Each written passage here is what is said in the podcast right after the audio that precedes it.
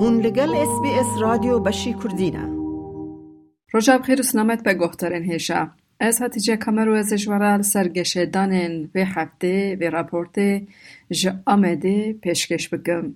بادیوس خانه امریکای لانقره 27 مها یکی دا به داخوانی کشیاریا اولهی را گهاند.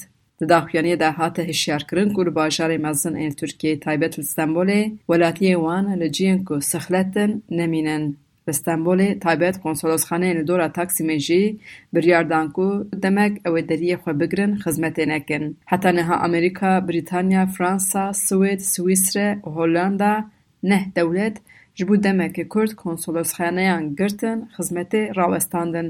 امریکا د داخوانی خو دا ولاتي خو هشیار دګه ل تاخم استقلال خطر اریشن تروری هي تایبت لسر کلیسه وارن توریستی دبن بن گفا اریشن تروری دانه ګو دس نشاند ګل سر استخبارات جدی او هشیاری هاتیا ګرن هشیاری دمک پشتی شوتاندن قرآن لسویده هاته گو اف چالاکی بو سدما کریزا دیپلوماتیک دناف ترکیه و سویده ده Ji bo endamtiya NATOyê demek dirêje di nav Tirkiye û Swêdê de girjiyek heye ku Tirkiye Swêdê bi piştevaniya rêxistina PKK û FETÖyê tewambar dike û li dijî endamtiya Swêdê dertê. Wezareta Karê Navxweya Tirkiyeyê ragihand ew li ser hişyariyan bi cidî tevdigerin û lêkolînan dikin lê Wezîrê Karê Navxweya Tirkiyeyê Suleyman Soylu got endamek îstixbaratê ya welatek li çend kesên ku gumana endamtiya Daişê li wan da dîtiye xwestiye ji dewleta wan re kar bike.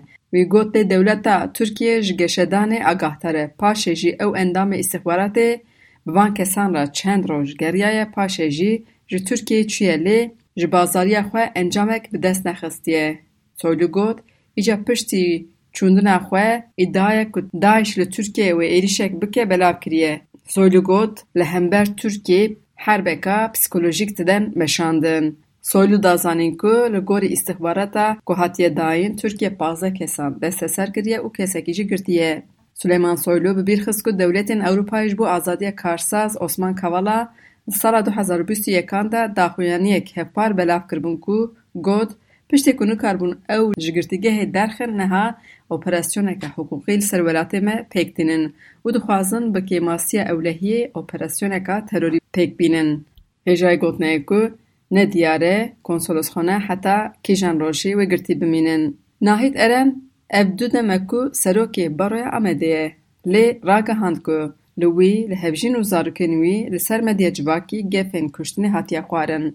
بروی عمدی به داخلینی اک وان گفن شرمزار کر و حساب کو گف لی ارن حتی اقوارن گلیه دوزگر یکر. یکی تیه بروی ترکی دگل حشتی و یک بروی ترکی به داخلینی اک هفار بویر شرمزار کرن او بانگ لرای داران کرن. پارویان دا داخیانی خودا کشتنا تاهیر الچی بی بیرخستن که دا سالا دو حزارو پازیان دا سروکی بارویا عمد تاهیر الچی دا ناف پیوچونک دا حاطبو کشتن که هیجین هاتی اشکره کرن که کیه تاهیر الچی بری یاوره کشتن و سرمدیه جواکی گفن کشتنی لوی حاطبو خوارن. هشته و یک بارو دا داخیانی خودا دست نشان کرن که او بویرک وکی ا تاهیر الچی نخوازن. Baroyên heştê û yek bajaran bang li Wezareta Dadê dozgeriyan kirin ku berpirsên gefa kuştinê werin eşkerekirin û cezakirin. Ne van tişta ne teze çêbûn Baroya Amedê ji dîrok da van xebatê xwe ku mafê mirovan pêk tîne dem dem ser çapemeniya civakî daha tehdit kirin. Lê mixabin vî demê înca ne tenê ji bo min ji bo malbata min jî van zariyê min. Nahîd Eren serokê Baroya Amedê îfade kir. Baroya Amedê nêzî sed salin heye û heta îro ji bo mafê mirovan ji bo edaletê tekoşîna xwe daye û her dem jî bûye hedefa hêzimdarî. Çi ye tirs dibin ji bo ku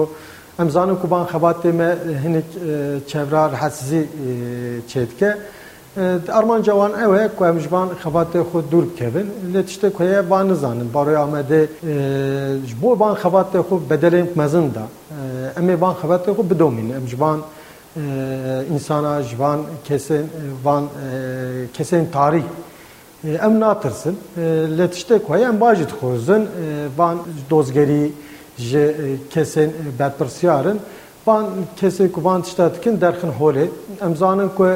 heye em bajî dixwazin van dozgerî ji kesên berpirsiyarin van kesê ku van tişta dikin derxin holê em zanin ku dema dirêje van tehdîta li kesên ku ser mafê mirova dixeftin her dem hebûn لی امی لامبروی آنی زمان او سپاسر الباروین ترکیه هر ساره خزنین سیویل کو او تری نهیشتنه اوج دوزگران خواست کو berpirsên gefan were ceza kirin. Tarih ödülüne katledilen baro başkanımız avukat Tahir Elçi'nin yarası daha kapanmamışken Nahit Eren ve aile bireylerine yönelik Platforma Rêxistinên Sivîl li Amedê roja pêşemê ji bo piştevaniya Nahit Eren daxuyaniyekdan û anî ziman Eren ne tenê ye ev gef ne tenê li Eren û malbata wî di heman demê de hemî rêxistinên sivîl ên bajarê Amedê hatiye xwarin. Di daxuyaniyê de hate gotin ev hêzên tarî pişta xwe ji bê ceza hîştinê digirin. Îro li Amedê saziyên sivîl te piştgirî jî damin. Ez car kadinê spasiya xwe ji wan dikim.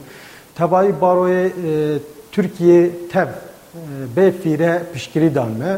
Ew jî ez ji bo wan ji spasiya xwe dikim. Tiştek ku heye baroya Amedê va sed sale baroya ku avabiye sed sale baroya Amedê serban kara xebata xwe dike em ê ji van xebata Racî bêdîçe endamê rêveberiya hedefê di daxuyaniya di rêxistinên sivîl de li rex Nahit Kuştina Tahir Elçî bi bîr xist û got hêjî ku jerên wî nehatine eşkere kirin. Ev pêvajiyane ev rêw pêvaziyane nenûn li vê axê?